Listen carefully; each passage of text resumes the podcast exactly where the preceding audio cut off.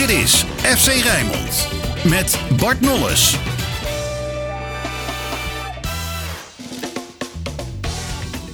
Goedendag dames en heren, hartelijk welkom bij FC Rijnmond. 35 minuten lang op TV Rijnmond praten over het Rotterdamse voetbal. Op de radio en online nog veel langer, zo'n minuut of 50. Doen we vandaag met Henk van Stee. Tot voor kort de technisch directeur bij Sparta. En nu even in rusten, min of meer. Vandaar ook die bruine kop waarschijnlijk. Oh, dat niet, zonder bankie. Uh, Dennis van Issel is er en uh, Harry van der Laan. Uh, je hebt een nieuw baantje toch, Henk? Nou, geen baantje. Uh, ik ga iemand helpen, ja. Een beetje, twee uurtjes in de week. Ja. Twee uur in de week is Twee het. uur in de week. Maar Bij uh, ADO Den Haag, Daryl Janmaat, die daar ja. is neergezet als technisch manager. Die, ja. ga, die, ga, jij een beetje begeleiden? Ja, dat, uh, dat is een, nou, een, initiatief van de KNVB om de laatste fase van hun cursus, de laatste zes maanden, dat is iemand kunnen vragen die eigenlijk als buddy gaat spelen. Dus meer een klankbord, meer adviezen geven over een aantal zaken. Hm. En dat is eigenlijk twee uurtjes in de week. We moeten het ook niet groter maken dan het is. Hoe ambitieus ben je zelf nog? Nou, ambitieus uh, genoeg in, uh, laat ik het zeggen, in een uh, omtrek van 40 kilometer, laat ik maar zo zeggen. Maar in het buitenland, ik, ik heb genoeg aanbiedingen gekregen uit het buitenland. Maar ik heb met mijn familie afgesproken dat ik dat niet meer ga doen. Als maar omtrek van 40 kilometer, dat kan alleen maar weer terug bij Sparta, bij Excelsior, bij Feyenoord of bij ADO. Ja, dat klopt. Daarvoor ben ik ook nog steeds Dordrecht thuis. misschien ook nog? Kan ook, ook aan nog te rijden? Ja, nee, maar, maar ja, dat als, er, zo'n grote club als PSV of Ajax, uh, die ook allemaal op zoek zijn natuurlijk, Ja, ja. dan is het natuurlijk ook wel aantrekkelijk, lijkt mij. Ja, maar oké, dat klopt ook wel. Dat, dat, zijn, dat is iets anders. De Anderlecht was het laatst ook, dat was een optie. Uh, was ik een van de kandidaten. Maar uiteindelijk heb ik afgesproken dat ik mijn gezin dat ik in ieder geval al in Nederland blijf. Mm, okay. ja. Gaat uh, Dirk Kuyt het eigenlijk redden bij ADO Den Haag? Hij, sta, hij staat nu zeventiende met de Ja. ploeg. Ja, Dat is nog onder Dordrecht. ja dat, dat, dat, daar hebben ze het elke week over, ja. En ja, ik hoop voor, voor, voor ADO dat hij het goed gaat doen. Maar ja, je weet hoe het werkt, zeker bij een club van ADO Den Haag. Als dat niet goed gaat, ja, dan moeten er maatregelen genomen worden. En de buddy van de technisch manager heeft daar iets over te zeggen of niet? Nee hoor, ik, Ja. beleidsmatig en uit- eindbeslissingen, dat eh, doe ik bewust niet. Ik ben er puur voor Daryl, om die te ondersteunen in ja, een aantal zaken die eventueel kunnen komen. En eh, processen aan te geven wat invloed zou hebben op zijn functioneren. Je know-how en je ervaring Ja. een beetje met hem eh, Klopt, delen. ja. Nou, Het is trouwens extra op- opvallend, vind ik, dat ze eigenlijk de beste spits in huis hebben van de eerste divisie. En dat- Verheid. ja, dat vind ik in potentie de beste spits eh, van, van de KKD-competitie. En dat je dan zo laag staat, dat vind ik wel eh, heel raar hoor. Mhm. Harry, eh, Feyenoord wint van Volendam. Ajax en AZ verliezen. Twente speelt gelijk. Feyenoord doet eh, Ja. helemaal mee. Zeker. En zeker met het programma wat je nu nog even hebt. Hè? Donderdag tegen Cambuur thuis. Zondag Excelsior thuis. Nou ja, als je dat normaal gesproken tot een goed einde brengt. Dan sta je of eerste of tweede. eh, eh, met de winterstop. Hè? En dan heeft eh, Slot ook nog eens even vijf, zes weken de tijd. Om het elftal hè, nog wat beter te prepareren. Dan tot nu toe het geval is. Want er is nog heel veel op aan te merken. Hè? Op het spel, eh, de manier van spelen. En Zeker als je het eh, vergelijkt met vorig seizoen. En met het pressiespel, daar zie ik veel te weinig van terug dit jaar. Maar als ze dat nog kunnen verbeteren in die vijf, zes weken die hij heeft, ja, dan doe je gewoon mee voor de titel, wat mij betreft. Mhm. Hoe makkelijk werd het eh, Feyenoord gisteren gemaakt bij FC Volendam? Nou ja, ze, li- ze liepen niet meer dan hinderlijk in de weg hè, bij Volendam. en, ja, en, en, en het is eigen, eh, ze hebben gewoon de tweede helft eh, hebben ze niet doorgezet, eh, Feyenoord. Want ik, ik, zei, ik, had, ik had toevallig de radioanalyse. Ja, je kan ook een beetje aan je doelsaldo werken. Want daarin sta je wel een end achter op Ja. Ajax en PSV. En dat is dan wat je Feyenoord kan verwijten. Ja, natuurlijk. Nou ja, is. want het zou zomaar eens een hele lange strijd kunnen worden tussen die drie clubs voor de, de eerste twee plekken. En dan gaat doelsaldo toch echt doorslaggevend kunnen zijn. Mhm. Dat kan, dus da- je hebt nu juist die drie wedstrijden, Cambuur thuis, Excelsior thuis en afgelopen keer dan Volendam. Dan moet je gewoon ja, 13, 14 goals inlopen, bij wijze van spreken, als je het echt goed doet. Hè? Mhm. En dan kan je met, even op vakantie met z'n allen. Maar Dat lukte niet, eh, Dennis, omdat het de tweede helft ook met name slordig werd aan de zijde van Feyenoord. Is dat logisch na zo'n eh, wedstrijd afgelopen donderdag? Zo'n zware in de Europa League? Ja, nog niet eens zozeer slordig. Het spel, zeker in het eerste kwartier na rust, lag gewoon heel veel eh, stil. Hè? En, en de buit was eigenlijk al binnen. En helemaal eens met Harry dat dit een middag was waar Feyenoord zeker meer dan met twee goals verschil had, had moeten winnen. Zo waren de krachtsverhoudingen. Maar zeker de eerste helft vond ik van Feyenoord, eh, dat heb ik in het verleden echt wel eens anders gezien. Na een topprestatie tegen een van de mindere goden in de Eredivisie vond ik eh, Feyenoord bij de les. Vanaf minuut 1 straalde het uit dat er maar, eh, maar één ding kon eh, gebeuren. Geen enkele twijfel gehad, eh, heel die middag niet. Heb je daar als trainer ook even extra werk aan na zo'n mooie overwinning en een mooie succesbeleving donderdag tegen Lazio? Ja, dan moet je naar Volendam uit. Dan moet die scherpte weer terug. Ja, maar oké, maar ik, ik, ik, heb, ik heb bewust ook die wedstrijd uitgekeken. En ik vond ze de Je eerste zegt het alsof het een opgave was. Ja, dat vond ik wel. Ik, vond, ik had natuurlijk daarvoor ook Utrecht bekeken. Je ziet zo verschrikkelijk veel wedstrijden eh, zelf, ook bui- buitenlandse voetbal. En dan kom je ineens naar Feyenoord Volendam. En dan denk je van, nou ga je ervoor zitten. Na 20 minuten dacht ik van, nou, waar kijk ik eigenlijk naar? En dat heeft niks met Feyenoord te maken, maar meer met eh, de weerstand van Volendam. Waarvan je verwacht dat er die er wel op gaan, zouden gaan kletsen. Omdat Feyenoord eigenlijk Ja. zo'n zware wedstrijd had gehad. En eigenlijk door dat Feyenoord, de Volendam eigenlijk niet erbovenop klitste. Want kreeg Feyenoord alle mogelijkheden om de eerste half uur misschien 4-5 goals te maken. En, ja, ik heb eh, niet met plezier gekeken naar die wedstrijd. Dat zeg ik heel eerlijk. Nee. Omdat ik met uitzondering van de eerste 20 minuten Feyenoord echt uitstekend speelde. En het is ook makkelijker even als je praat over scherpte, als je een heel goed resultaat hebt behaald in Europa. Hè, dan is de sfeer is goed, iedereen, je voelt je pijntjes en de vermoeidheid minder. Maar als het een hele eh, moeilijke eh, thuisnederlaag was geweest tegen Lazio, dat had ook gekund. Hè, dat je zo met 2-0 onderuit gaat en dat je uitgeschakeld bent voor Europees voetbal. Maar toch is in het Dan- verleden, ja. Harry, bij bijvoorbeeld neem de thuiswedstrijd tegen Porto die Feyenoord won, speelden ze speelden ze goed en een paar dagen later naar Fortuna Sittard uit. Ja, nee, het, het geen is ook schim van de ploeg. Het is geen, ook geen wet van mede en persen, maar het, het is normaal gesproken heb je minder last van vermoeidheid en pijntjes als je goede resultaten hebt. Zullen we het even aan de trainer vragen, Arne Slot, in hoeverre hij het lastig vond om eh, de scherpte, na dus eh, die mooie wedstrijd tegen Lazio, weer terug te brengen in eh, zijn ploeg. Of als een wedstrijd wel of niet gewonnen wordt, helpt dat niet altijd aan scherp te liggen. Dus nu hebben we gewonnen en hebben we scherpte. En als we 33 doelpogingen krijgen tegen Fortuna, dan hebben we geen scherpte. Dus, ehm, dus, dus da- da- daar kijk ik als trainer dan met andere ogen naar. Maar we hebben wel gesproken over het feit dat wij winnen van Twente thuis en van AZ uit. Dat we ook een fantastische week achter de rug hadden. En dan speel je een week later tegen Fortuna. En ik zei al, we hebben veel kansen gehad, maar ik vond ons wel slap beginnen de eerste helft. Als het gaat om druk zetten.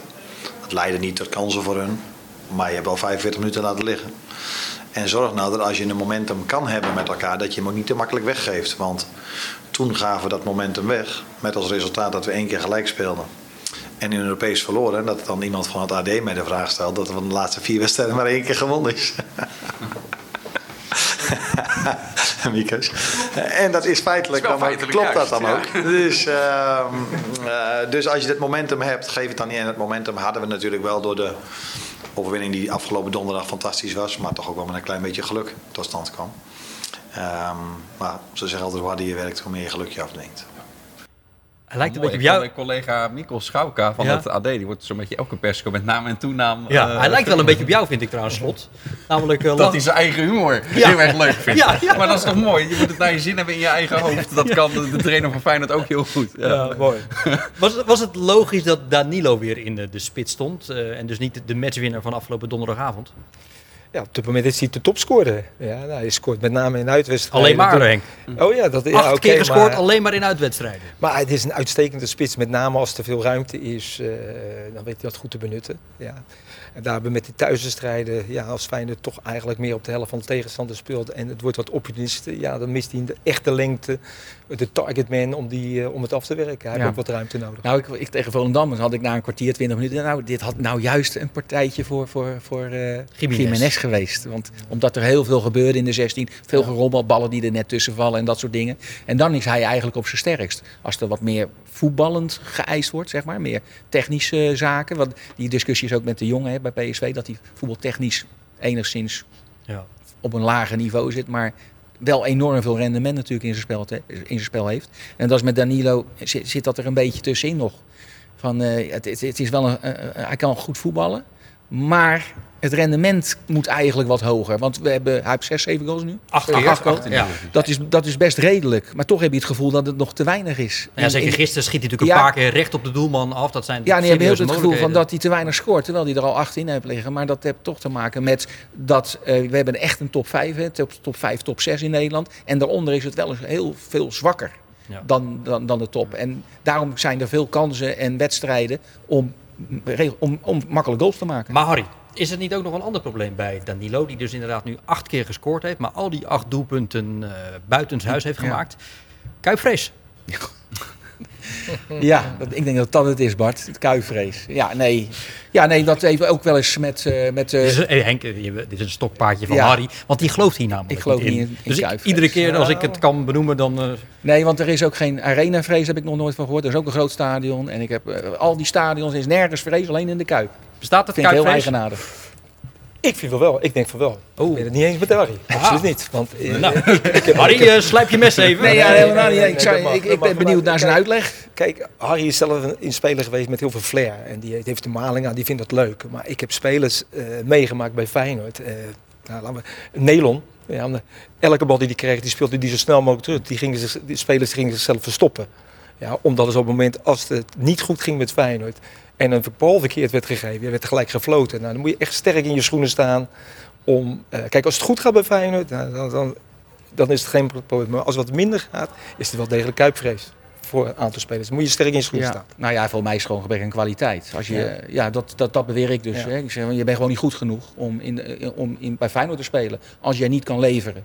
En dat is helemaal geen schande. Een grote club met heel veel druk en alles eromheen. Maar dat geldt ook voor Ajax en PSV. Die hebben precies hetzelfde. Er zijn ook spelers die het net niet redden. Alleen is bij Feyenoord jarenlang geweest dat ze met een kleiner budget moesten werken. En ten opzichte van Ajax en PSV. Dus ook in, ja, nog steeds moeten zij op een ander niveau ook spelers inkopen. En de kans dat er dan een speler mislukt is veel groter. Ja. En dat is, ja, Arnees heeft natuurlijk dan eh, volgens mij heel goed werk gedaan de afgelopen twee jaar. Hè, en daardoor zijn, er, zijn de aankopen een stuk eh, beter uitgevallen. Maar er zijn ook jaren geweest dat dat enorm tegenviel. En dat je dus altijd maar er tegenaan zat te hikken om die aansluiting weer met Ajax en PSV te krijgen. En alleen maar met incidentele eh, jaren hè, deed je mee. Hè, de, eh, met Van Bronckhorst nog een keertje in 2017 is dat alweer geloof ik. Ja, ja. Nou, dat was de laatste keer dat je echt weer hè, voor de titel speelde. Nou, Hey, maar Henk, Harry noemt de naam van Arnissen. Eh, Feyenoord is al een aantal maanden zonder technisch directeur.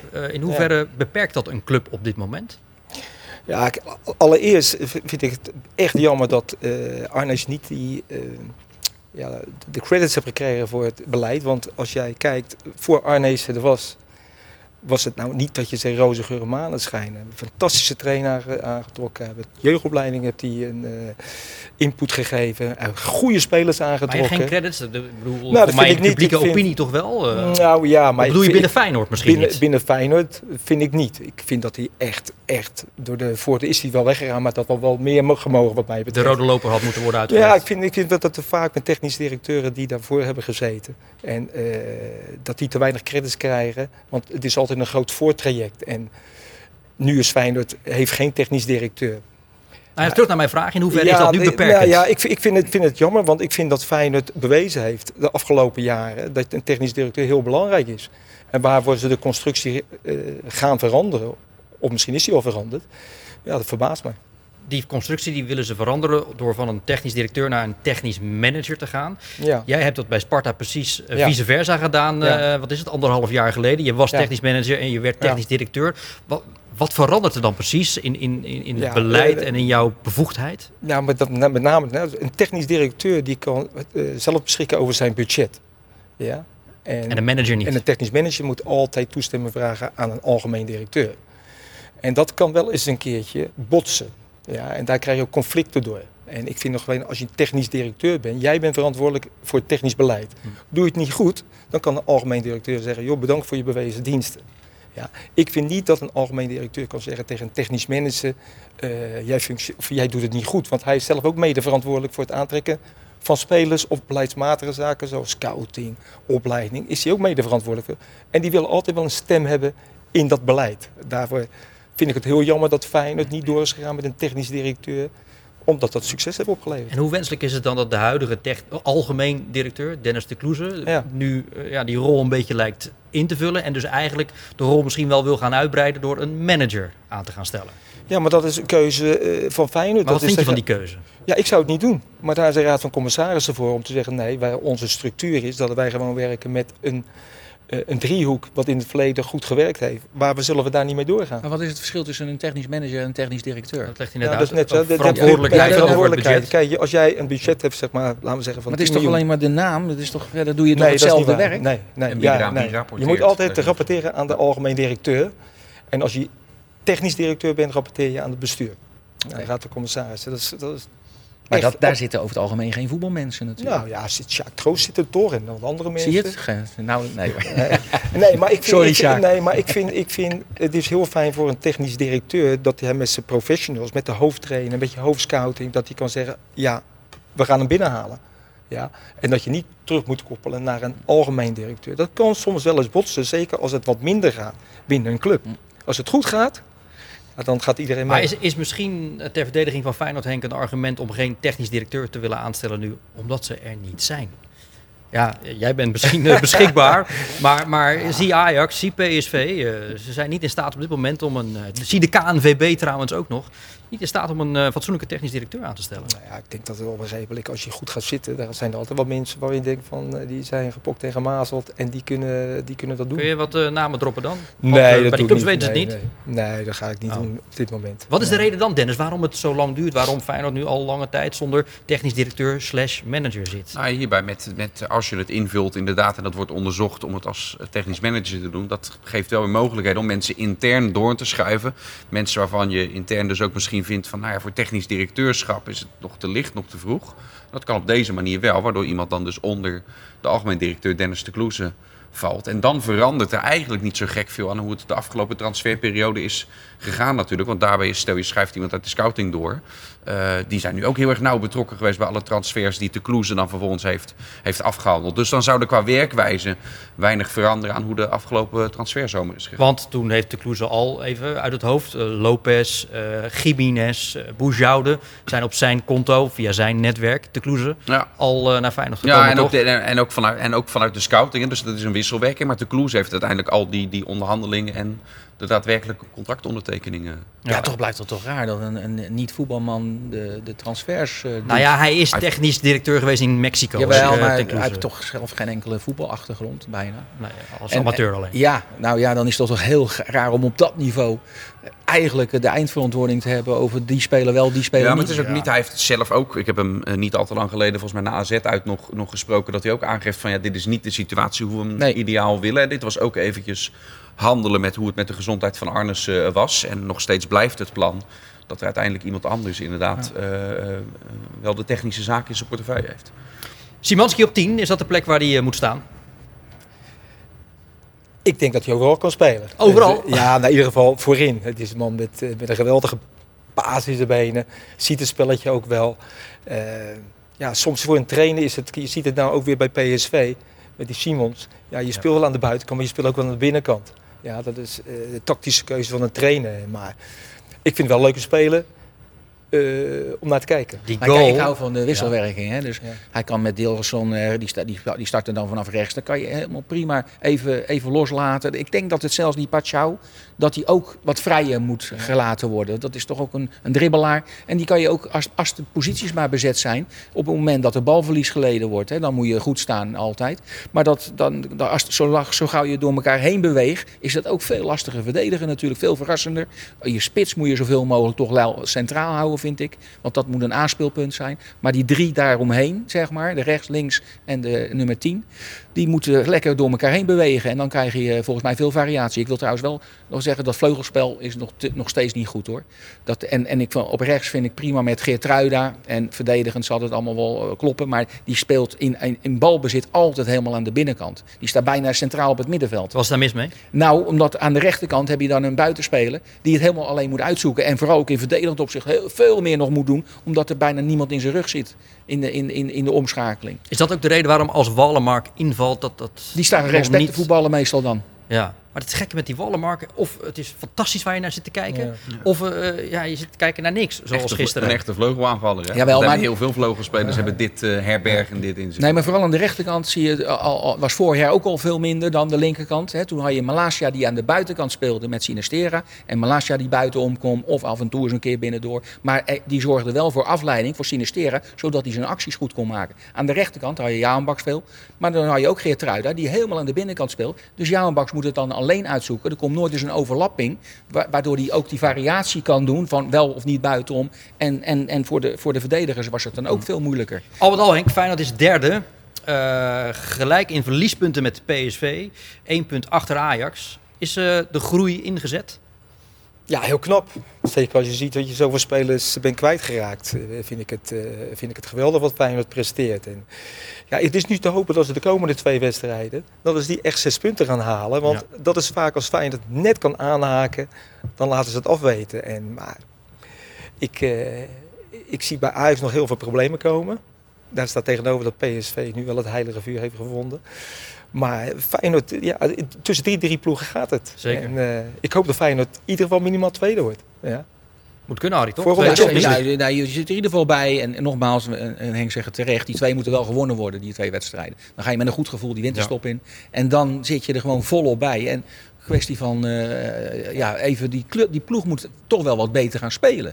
Hè, want ik, ik, Slot zei volgens mij vorige week dat de... Over die groei. Ja, dat hij had de afgelopen twee maanden enorme groei gezien. Ik heb dat niet gezien. Volgens mij speelden ze drie maanden precies hetzelfde geleden eh, als nu. Ik zie geen maar enkel kijk even verschil. naar de Ja, resultaten. volgens mij doelde hij toen wel op het, eh, de, de groei vanaf Lazio uit naar eh, wat ze. Nee, nu maar je kijkt naar het veldspel gewoon. Dat is nog steeds, het vleugelspel is nog steeds niet goed. Het moet vooral vanuit de as gebeuren. En dat staat goed. Maar dat stond drie maanden geleden ook al goed. Met, Maar, maar het, het is zo bij Feyenoord het- op dit moment is dat, het, dat het kwaliteitsverschil tussen die top 5, wat je net hebt aangegeven, en, die, en de rest van de competitie is zo ja, is groot. groot. Ja. Ja, waardoor je eigenlijk Feyenoord, eigenlijk die kleintjes, noem het maar kleintjes, zo worden dan makkelijk gaat winnen nu.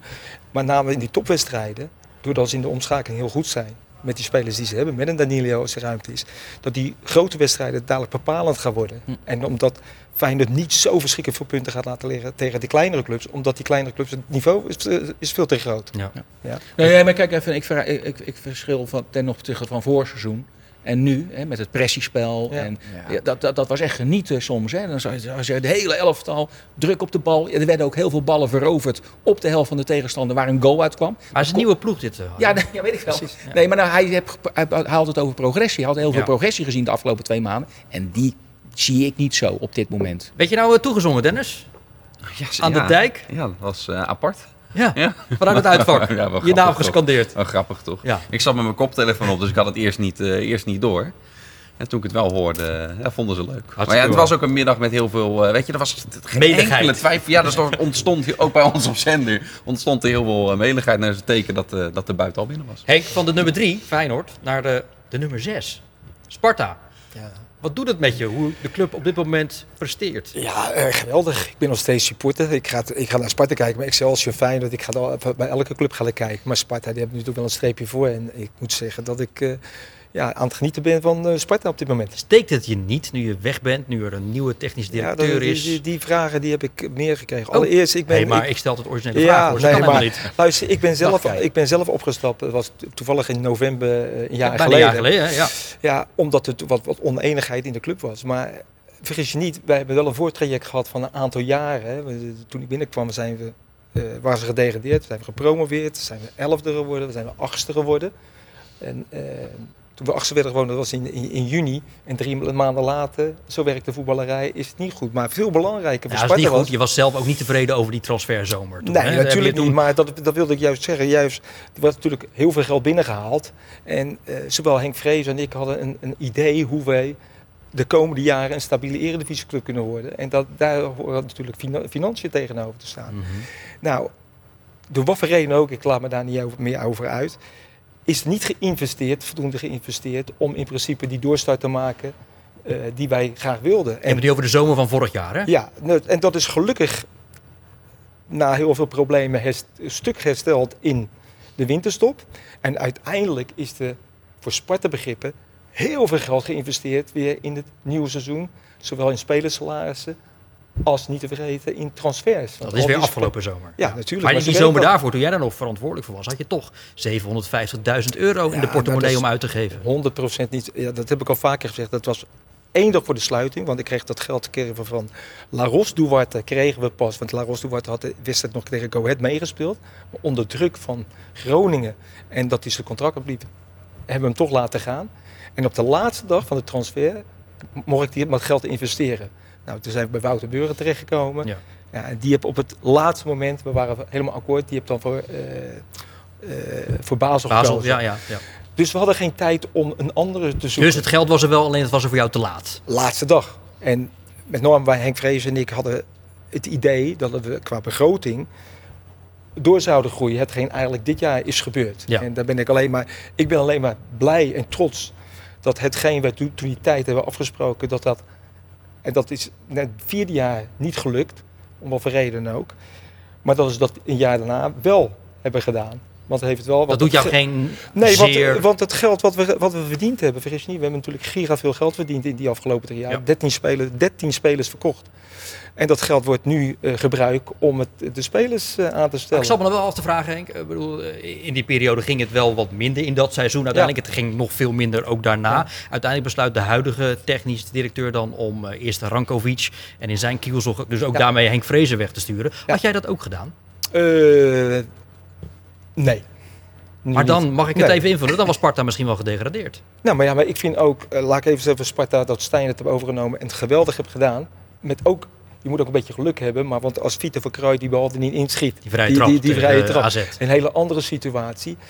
Maar eh, ja, dat had, ik, dat had ik waarschijnlijk niet gedaan, nee. Nee. Omdat je natuurlijk in die, in die, in die 3,5 jaar met Henk Vrezen geweldig hebt gewerkt. Ja. Ik heb wel Henk Vrezen aangegeven, joh luister eens, ik ga nu weg. Ja.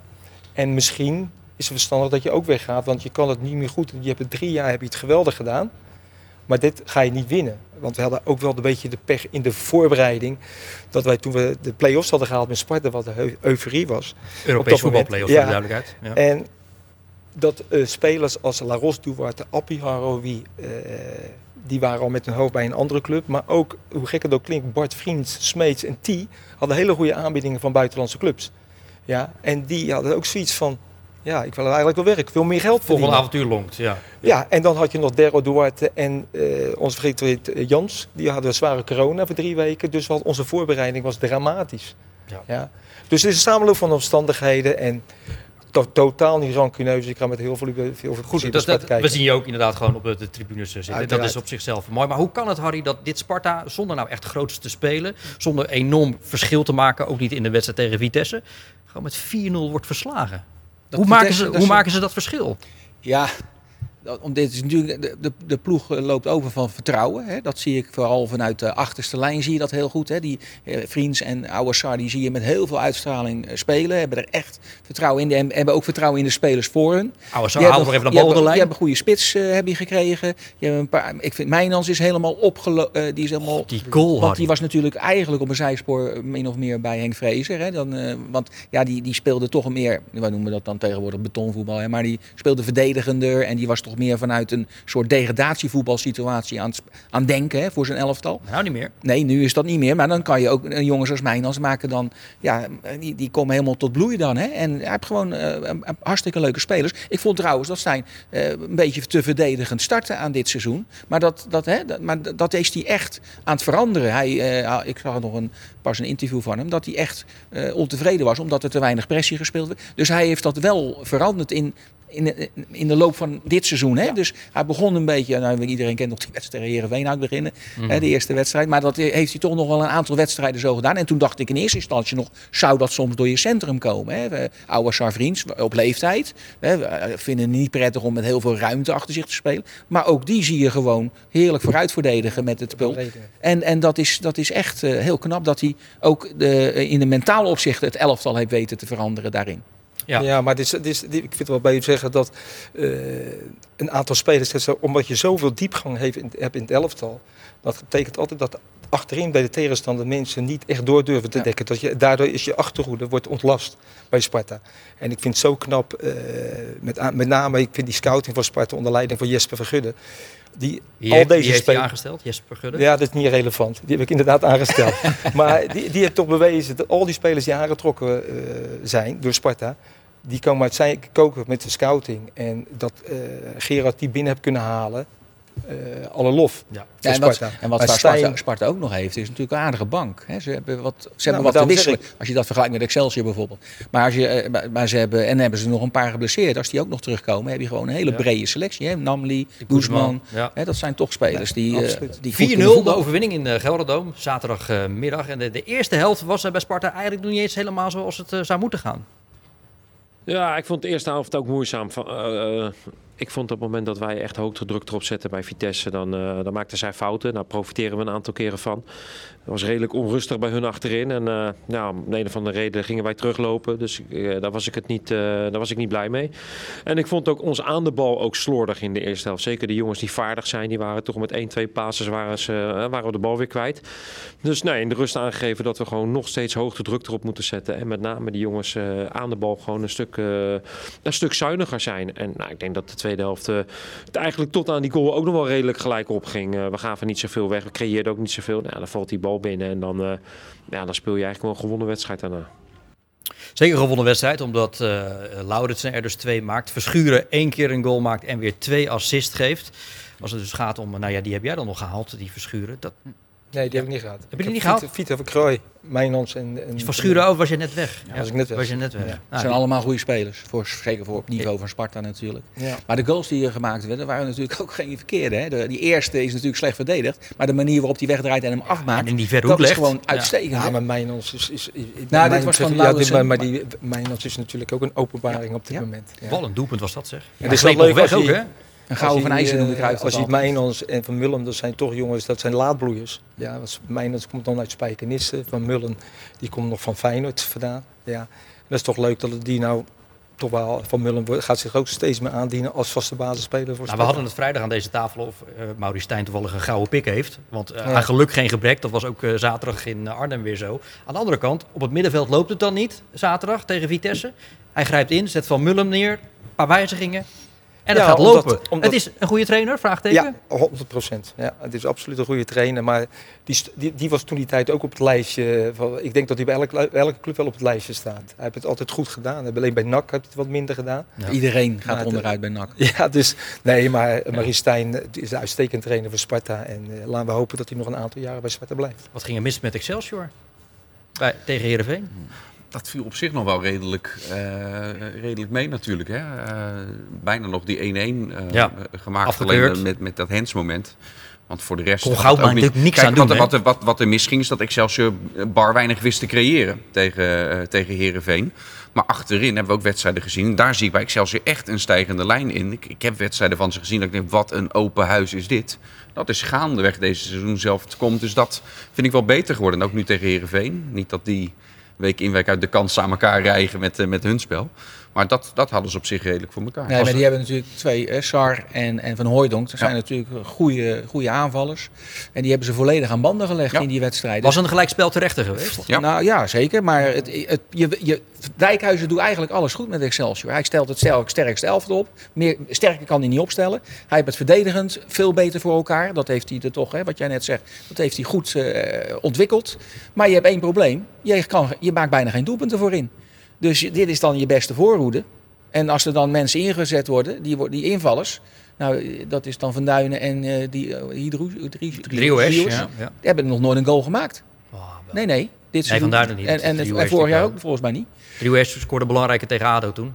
Maar goed, in, Ja. die, in die play-offs. Oké, maar Ja. Nou ja, het is wel aardig, want dat is wat Marinus Dijkhuizen, de trainer, ook zegt. Als je goed naar hem luistert, heb je het idee dat hij niet zo heel erg tevreden is over zijn voorhoede. Nou ja, ik vond Lamproe matig, uh, matig. Uh, als ik kan, de tweede helft prima. Uh, Van Duinen viel goed in, drie werd viel goed in. Dus inderdaad, uh, voorin was het, was het wat minder. Ja, en dat kan. En dat, dat is ook moeilijk. Uh, op dit niveau kreeg je gewoon heel weinig ruimte, weinig kansen. Ja, weet je, Heerenveen heeft niet voor niks zo weinig goals tegen. Dat je weet als je goed bent dat je drie, vier kansen krijgt. Nou ja, de tweede helft hebben we wel een aantal kansen gehad. Dus uh, ja, in die zin doen we het nog aardig, maar net niet goed genoeg. Excelsior zakt inmiddels weg naar de twaalfde plaats. Het heeft eh, maar één keer minder verloren dan Hekkensluiter Volendam. Gaat Excelsior dan toch niet de verrassing van dit seizoen worden? Nee, Excelsior, dat is mijn persoonlijke mening. Dus Excelsior die zal hopelijk op uh, 14, 15, 16 gaan uitkomen.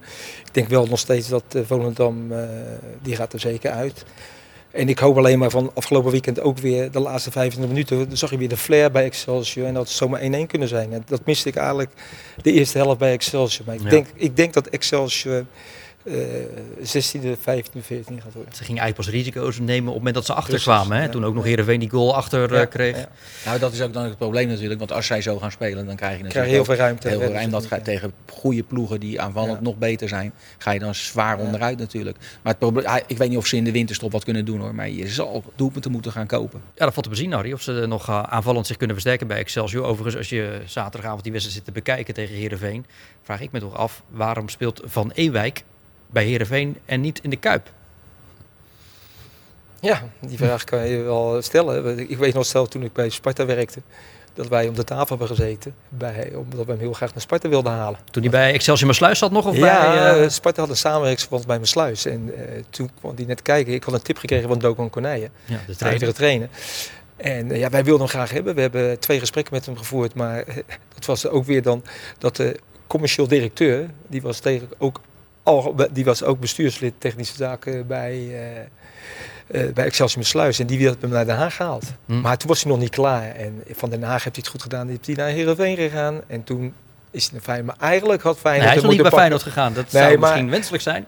ik vind, wel, ik vind wel dat hij na Den Haag naar Feyenoord had moeten gaan. En Ja. niet naar Heerenveen. Nee. Dan had je dan moeten zien dat die jongen enorm veel potentie heeft. Zijn snelheid. Ja, joh, die, die snelheid. En dat is Ja. precies die rechtsback die ik zou, graag zou willen zien bij Ja, Feyenoord. ja, hè. ja, ja. En die zou ook een enorme toegevoegde waarde zijn voor de buitenspeler die daar staat. Want hij komt op, hij heeft zelf een goede actie, hij heeft zijn snelheid. Maar hij kan ook schakelen terug heel snel. Hè, dus maar hij, Feyenoord moet hem nu kopen. Het Ja, kost- het denk- kost misschien 5, 6 miljoen. Maar dan heb je wel een goede rechtsback voor de komende jaren. Nooit geblesseerd. Maar aan de andere kant, Geertruida is er, Pedersen is er nog. Je hebt op die positie eigenlijk nu niets nodig. Nee, toch? je hebt linksback heb je nodig. Als doet die Hartman eh, deed het uitstekend. Maar ik vind, ik met name de linksback vind ik, eh, als je dat gewend bent met Malasia en met Haps. Ja, dan, We zijn eh, er drie, hè? Met, Ja. met, met Hartman, met Lopez, met uh, Bjurkan. Ja, ik ben Lopez ben ik niet zo kapot van. van ja, heeft wel ergens tegen. Had een, goede, had een goed debuut Ja. toen bij NEC uit. ja. Ik zou nog eerder dan nog met de Hanko aan de linkerkant spelen. Of thuis tegen hem. Ja. Ja, en wie dan centraal achterin? Ja, maar dan zouden ze daar nog eentje bij. Want ik weet, eh, die, je, je hebt gewoon, als je kijkt naar, eh, als je Europees speelt, dat je, wat, je, wat je fysiek nodig hebt, met name met uitwedstrijden. Ja, dan zie ik zo lopen dadelijk ondergesneld worden. Misschien heeft Hartland nog wat tijdje nodig. Maar als je nog een goede centrale verdediger naast uh, trouwens, dan kan je Hanko nog altijd linksback zetten met uh, Ja, topwedstrijden. hij is wel goed daar, hè? Hij, hij, hij, maar- hij heeft die ja. stuwing hè, en, en hij, is, Ja, hij komt ook wat gescoord? vaker voor de Ja, goal. dan. Gisteren nog een kans, hè, Ja. ja. Hansko. Ja, Ja, dat is toch wel is aantrekkelijk een om zo'n gozer te hebben. eh, Ik, zo ik, ik fysiek. pleit er wel voor om dat, dat centrale duo Trauner-Hansko, om dat vooral intact Ja, te houden. Want die, die moeten ook nog aan elkaar, of die hebben die periode nu gehad om aan elkaar te wennen. Je ziet Hansko ook groeien in die rol. De eerste paar wedstrijden vond ik hem defensief nog wel wat kwetsbaar met ruimte Ja. in zijn rug. Vind ik steeds beter worden bij, bij hem. Ja. Dus om dat steeds uit elkaar te halen. Nee, maar als je Wanneer het tactisch met- moet ja. bij sommige wedstrijden als. AZ uit, dan, dan, dan snap ik het. Maar ik zou dat niet... Ja, maar soms, soms ben je genoodzaakt om met drie achterin te spelen. Ja. Ja, dan kan hij ook de linkerkant Ja, pakken. nee, maar Als je dat- tegen hem toch met twee spitsen en je wil toch doorkomen aan de zijkanten, dan kan hij daar spelen. Aan de andere kant kan je dan wel Geertrui daar centraal laten spelen. Dan staat hij wel met twee rechtspoten centraal. Maar ik, Ja. ik, ik, zou, ik zie toch liever dan Pedersen op die rechterkant. Op dit moment. Ja, omdat hij Ja. meer gaat. Dat, dat, ja, eh, dat, en omdat hij aan die buitenkant speelt. Ik vind het in de opbouw prettiger. Hoewel die jongen wel moet leren. Want als hij ingespeeld wordt, draait hij altijd terug. Hè. Ja. Dat is, Ja. word je helemaal gek van. Maar zonder bal en gaan aan die zijlijn. En, eh, Hoeveel goals en assists heeft Pedersen gegeven? Nee, maar omdat hij het niet helemaal goed invult. En hij is natuurlijk ook eh, tweede keus geworden daar zo. Dus het, en dat doet ook wat met je vertrouwen. Hè? Want toen Geertrui daar voor seizoen terugkwam... Hè, hè, die was toen eh, geblesseerd geweest. En eh, de eerste half jaar had Pedersen het geweldig ingevuld. En toen was er zelfs al internationale belangstelling voor die speler. Maar toen kwam Geertrui, die werd er gelijk neergezet. Om wat voor reden dan ook. Maar die werd daar wel neergezet. Mm. En toen is er een soort... Ja, eh, is hij nooit meer dat niveau heeft hij gehaald in ieder geval, Pedersen. Over het niveau eh, gesproken, Bijlo zette zijn vorm eh, denk ik wel weer voort. Ook op bezoek bij Volendam. Zeg het nou maar eens een keer, Harry. Bedoel, Komende, Nee, ja, vrij- we- komende vrijdag gaat Van Gaal zijn eh, selectie bekendmaken voor Ja. het Nederlands elftal.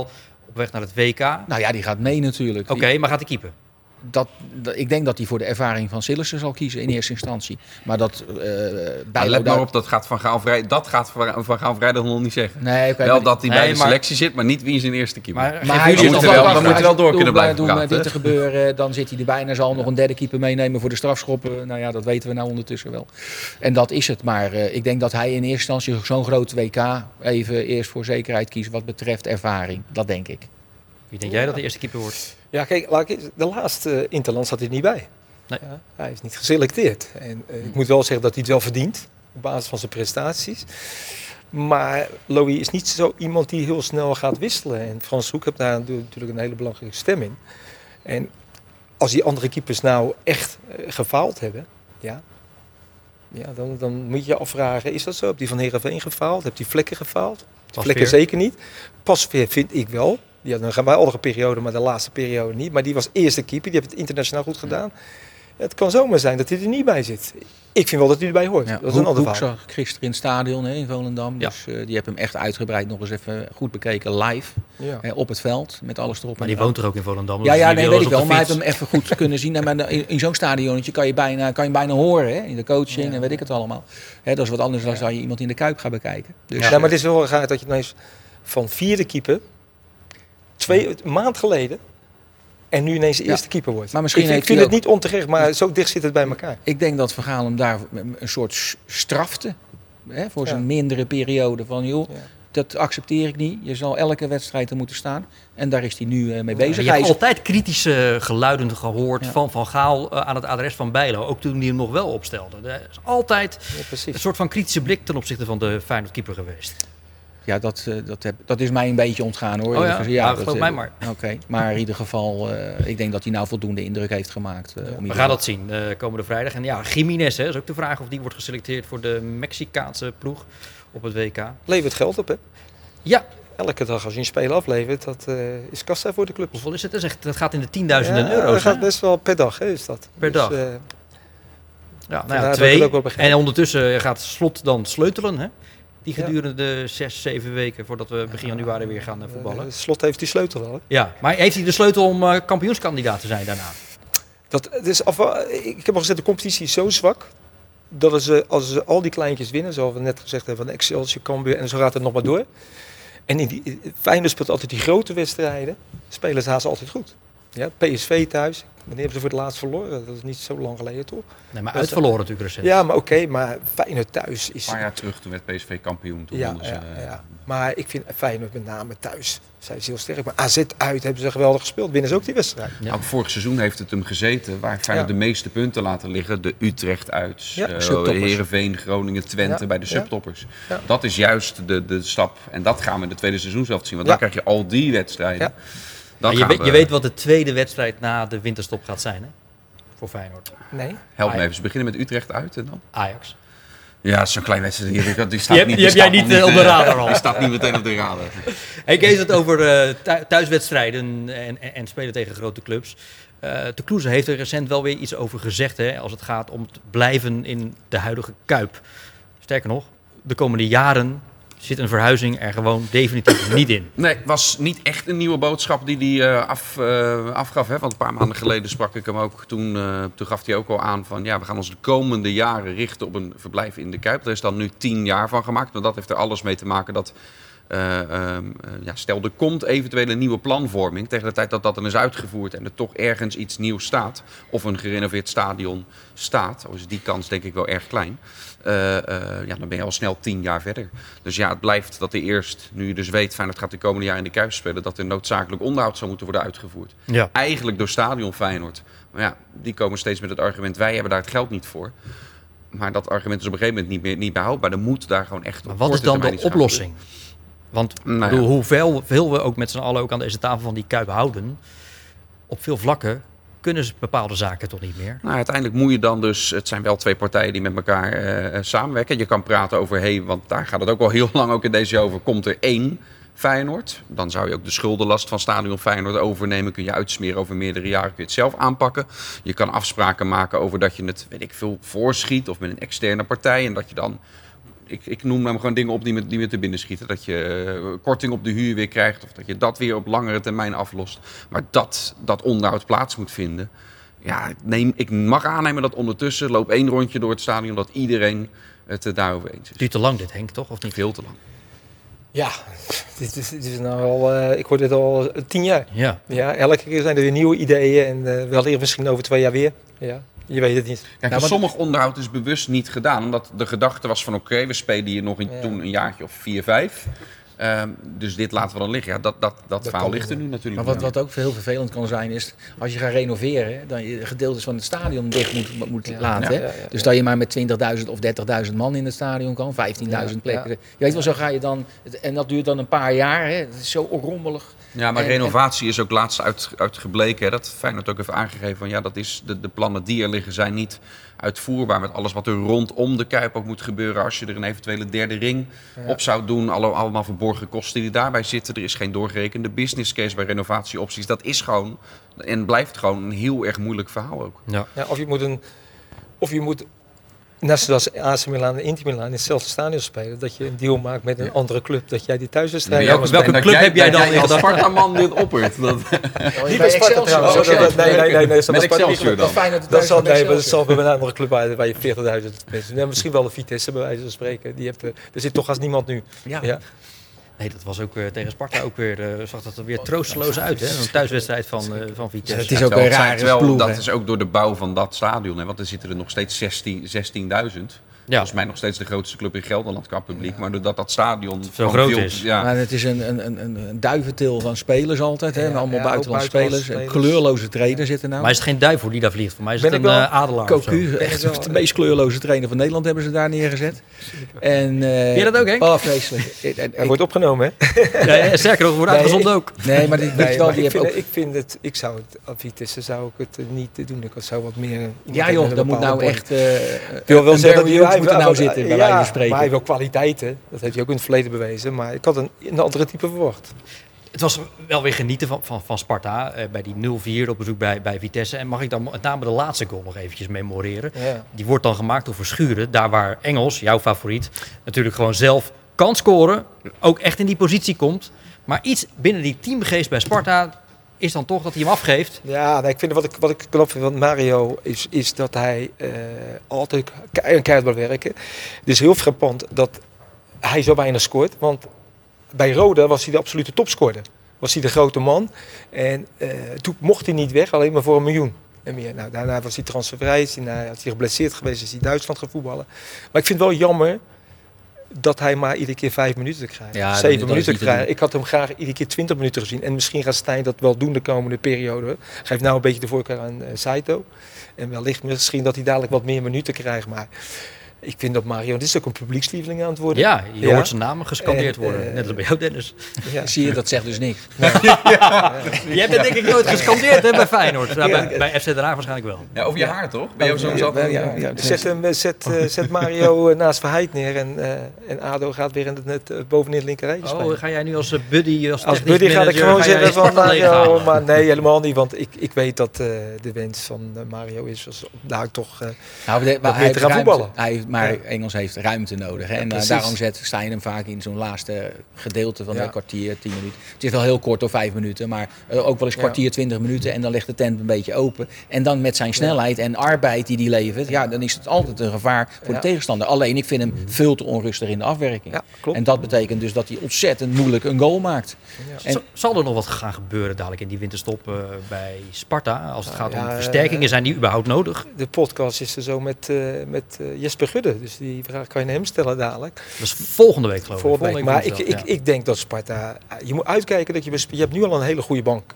Ja, en, en een goed team met heel veel flair, heel veel diepte. Je moet altijd uitkijken dat je niet nog meer spelers gaat... die met een bepaalde verwachtingsspel gaan komen... en die niet aan het spelen toekomen. Want Hm.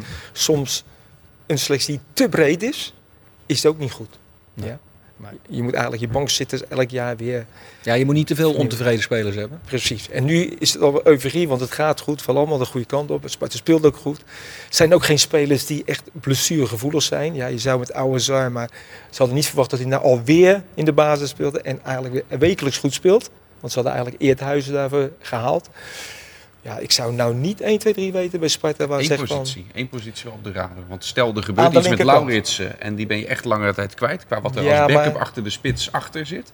Waarmee je dan dus zou moeten starten en, en die eventueel doorwisselen. Ja, maar zeg, nou maar eens in de, zeg nou maar in het hele betaalde voetbal waar jij een goede spits vindt. Ja, Zonder, Ja. zonder club. Ja? zeker. Of je nou maar naar dat, is, maar dat is geen en- sterk argument om er dan maar geen te halen. Want Ja, maar zeg, Sparta, dat- Sparta heeft nooit niet de financiële middelen Ja. in de winterstop. Want in de winterstop praat je die je er ook nog eens een keertje in moet passen.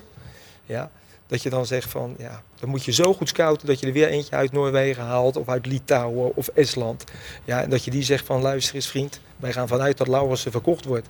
Dan moet je deze zes maanden, kan je je helemaal eigenlijk een beetje wennen aan, het, eh, aan de omstandigheden. Maar het is verschrikkelijk duur om een goede spits te halen. En dat, ik denk niet dat Sparta dat 1, 2, 3 kan. Wat, waar ze bij Sparta nog wel mee op moeten gaan passen is de tweede helft van het seizoen. Is dat al die kleine eh, clubjes heb je allemaal thuis gehad. Hè? En Ja. Dat zijn uh, M, Volendam, noem ze allemaal maar op. Maar vrijdag komt Twente nog. Ja, Twente, nee, maar ik heb het even voor de tweede helft van het Ja, seizoen. ja, Tegen Twente zullen ze ook waarschijnlijk een, een, een goede prestatie neerzetten. Want het vertrouwen is er, alles klopt. Eh, maar in de tweede helft van het seizoen ga je weer eigenlijk opnieuw beginnen. Hè. Je komt een lange winterperiode, noem ik het maar even. En dan krijg je al die clubjes uit. En dat zijn waar zij alleen maar hun punten halen. Dus Ja, Emmen dan- gaat niet uit bij, eh, bij Vitesse winnen. Nee, maar thuis tegen Vitesse. Maar En dat- dat is ook het gevaar ja, voor Sparta maar daarvoor denk ik dat Sparta ook op plaats 9, 10 gaat eindigen. Want ik denk dat de Utrecht, die hebben een hele slechte periode gehad. Die hebben, die hebben zoveel betere spelers. Heerenveen heeft toch wel iets, iets betere spelers. Die gaan er net boven komen. Zo Nee, ze worden echt, echt een strakke middenmotor. 9, 10 en als ze een beetje geluk hebben worden ze zevende. Dan gaan ze de play-offs. Ja. En als ze pech worden, worden ze tiende of elfde. Nee. Maar daar Nee, gaan maar al die, eh, spelen. elk jaar is dat eigenlijk zo. In de tweede helft van het seizoen beginnen al die Ja. clubs die onderin spelen, die gaan dan opeens punten halen. Want ze degraderen bijna nooit met, eh, met 18 punten, maar meestal zo rond de 30 zitten ze wel. Heb je een mooi jasje aan vandaag? Dus, eh, we hebben het over voetbal, Bart. Hey. Die is Ja, nog van ik de ga even jasjes eh, constateren wat ik zie. Keurig. Wat- Is dat omdat je dit je laatste van het Dit jaar is even, eh, ja, is? ik ga de winterstop al in. eh, Ja. Ik ga me voorbereiden op het WK helemaal. eh. Ja? Ga je dat met veel aandacht volgen? Als ik tenminste mag kijken, want dat schijnt ook nog een probleem te zijn. Maar als ik mag kijken, kijk ik. Nou, jij mag vast wel gewoon voor de televisie gaan zitten hoor. Eh, we gaan het hier namelijk eh, bij laten. Mag ik jullie ontzettend danken voor eh, zeer geanimeerde... uit- Je stapt gelijk op. Je gaat gelijk de jas aan. Nou, mensen zagen dit. Hij had wat over zijn jasje moeten zeggen. Keurig jasje ook van Henk van Steen. Nou, eh, nou. Dankjewel voor je komst, Henk van Steen. Ik heb van je genoten, van eh, de voetbalwijsheden weer aan deze tafel. Kom nog eens terug. Dennis van Eersel, jou zien we ook nog wel Ook genoten? Altijd. Zeker, zeker met bril en kooltrui. En eh Harry van Laan, nou ja, bedankt weer voor een eh, heel jaar. Ja. Staat de camera nog steeds aan? Ja, natuurlijk. Oké. Wil je goed te doen? Nee, jij zegt wat vind je van Ruud van Os? Maar oké, daar zeg ik niks. Die is niet in pand, dus Nee, daar hebben we het niet dit over. is Harry, bedankt hè. goed. Graag En we zien elkaar eh, na de winterstop weer. Tot zover FC Rijnmond op deze maandag. Wat betreft eh, de sportredactie zijn we er natuurlijk eh, woensdag. Hè, de Sparta-podcast, net al even door Henk gememoreerd. Op al onze kanalen te bezien en te beluisteren. Met Ruud inderdaad, die er dan wel is. En donderdag doen we een verslag van de inhaalwedstrijd van Feyenoord. Op bezoek nee, thuis in de Kuip tegen Cambuur. Mondvol. Ik ga het afsluiten. Dank en een goede week.